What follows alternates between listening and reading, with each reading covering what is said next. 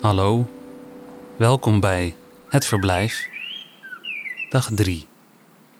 Vandaag Frank Willaert leest Max Havelaar van Multatuli, hoofdstuk 1, een fragment. Ik heb niets tegen verzen op zichzelf. Wil men de woorden in het gelid zetten? Goed. Maar zeg niets wat niet waar is.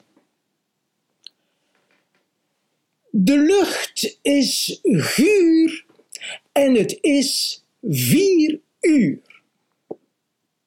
Dit laat ik gelden als het werkelijk guur en vier uur is. Maar als het kwartier voor drieën is, kan ik, die mijn woorden niet in het gelid zet, zeggen: De lucht is schuur en het is kwartier voor drieën. De verzemaker daarentegen heeft door de guurheid van de eerste regel steeds een voluur nodig.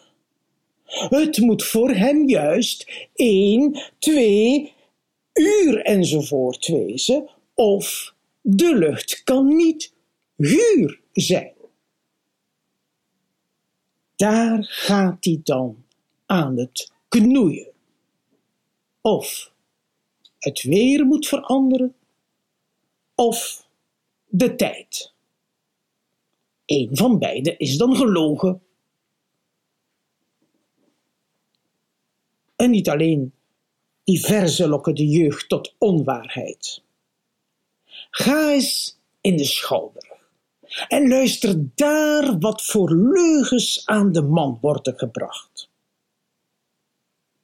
De held van het stuk wordt uit het water gehaald door iemand die op het punt staat bankroet te maken.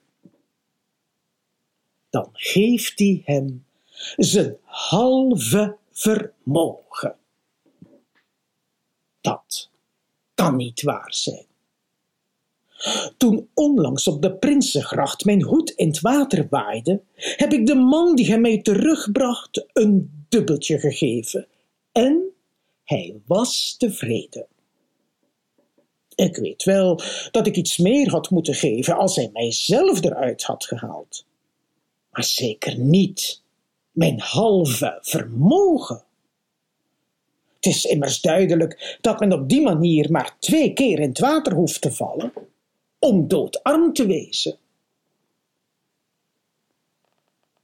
Wat het ergste is bij zulke vertoningen op het toneel.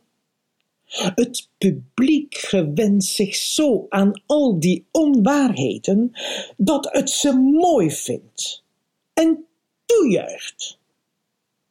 Ik had wel eens lust zo'n hele parterre in het water te gooien om te zien wie dat toejuichen gemeend had.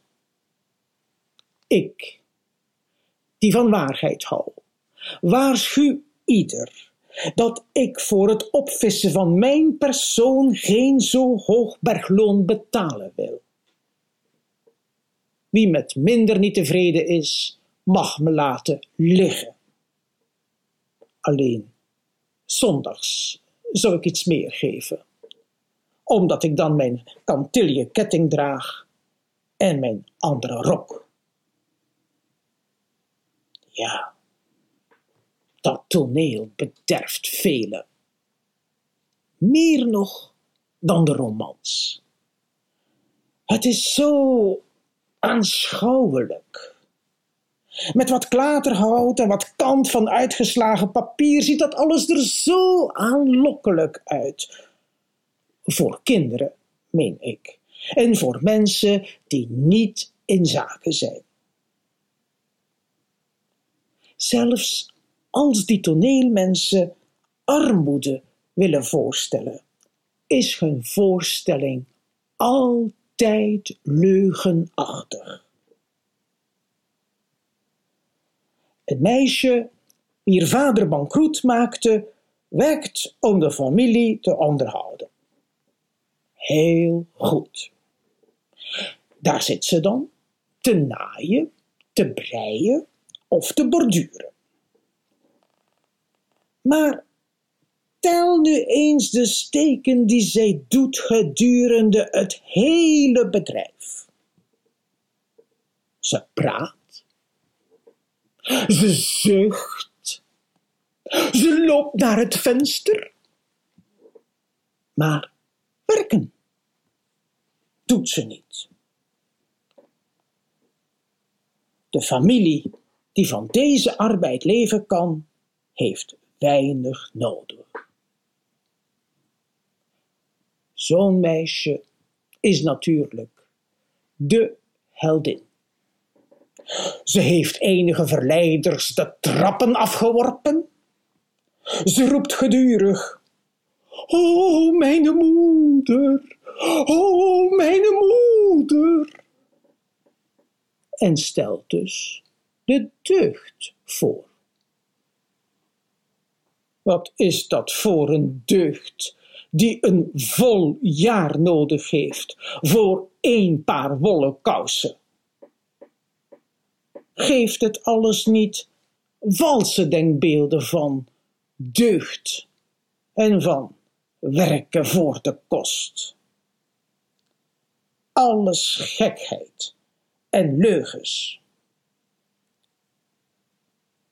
Dan komt haar eerste minnaar die vroeger klerk was aan het kopieboek, maar nu schatrijk, opeens terug en trouwt haar.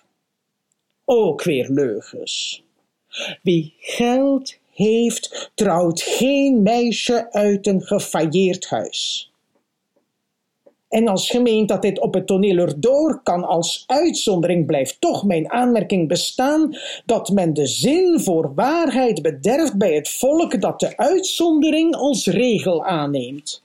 En dat men de publieke zedelijkheid ondermijnt door het te gewennen iets toe te juichen op het toneel, wat door elk fatsoenlijk makelaar of koopman voor een bespottelijke krankzinnigheid wordt gehouden in de wereld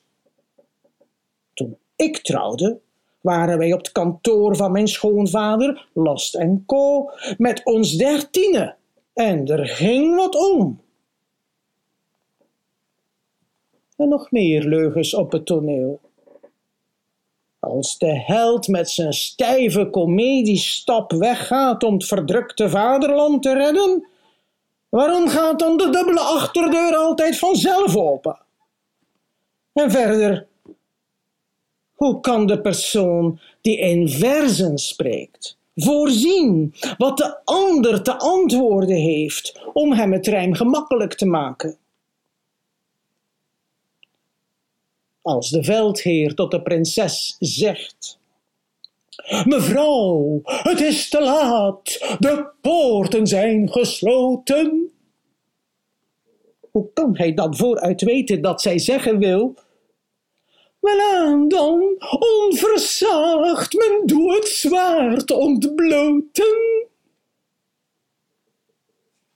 Want als zij nu is, horende dat de poort toe was, antwoordde dat ze dan wat wachten zou tot er geopend werd, of dat ze de andere keer eens terug zou komen.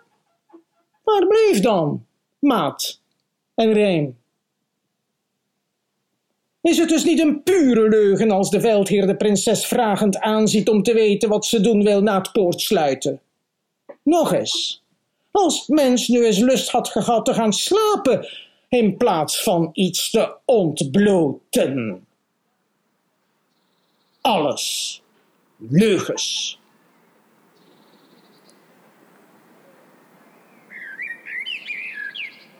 Het verblijf is een initiatief van Mark van Oostendorp. Redactie: Johan Oosterman, Iris van Erven, Jaap de Jong en Lot Broos. Ik ben Michiel van der Weertof en wens je een aangenaam verblijf. Tot morgen.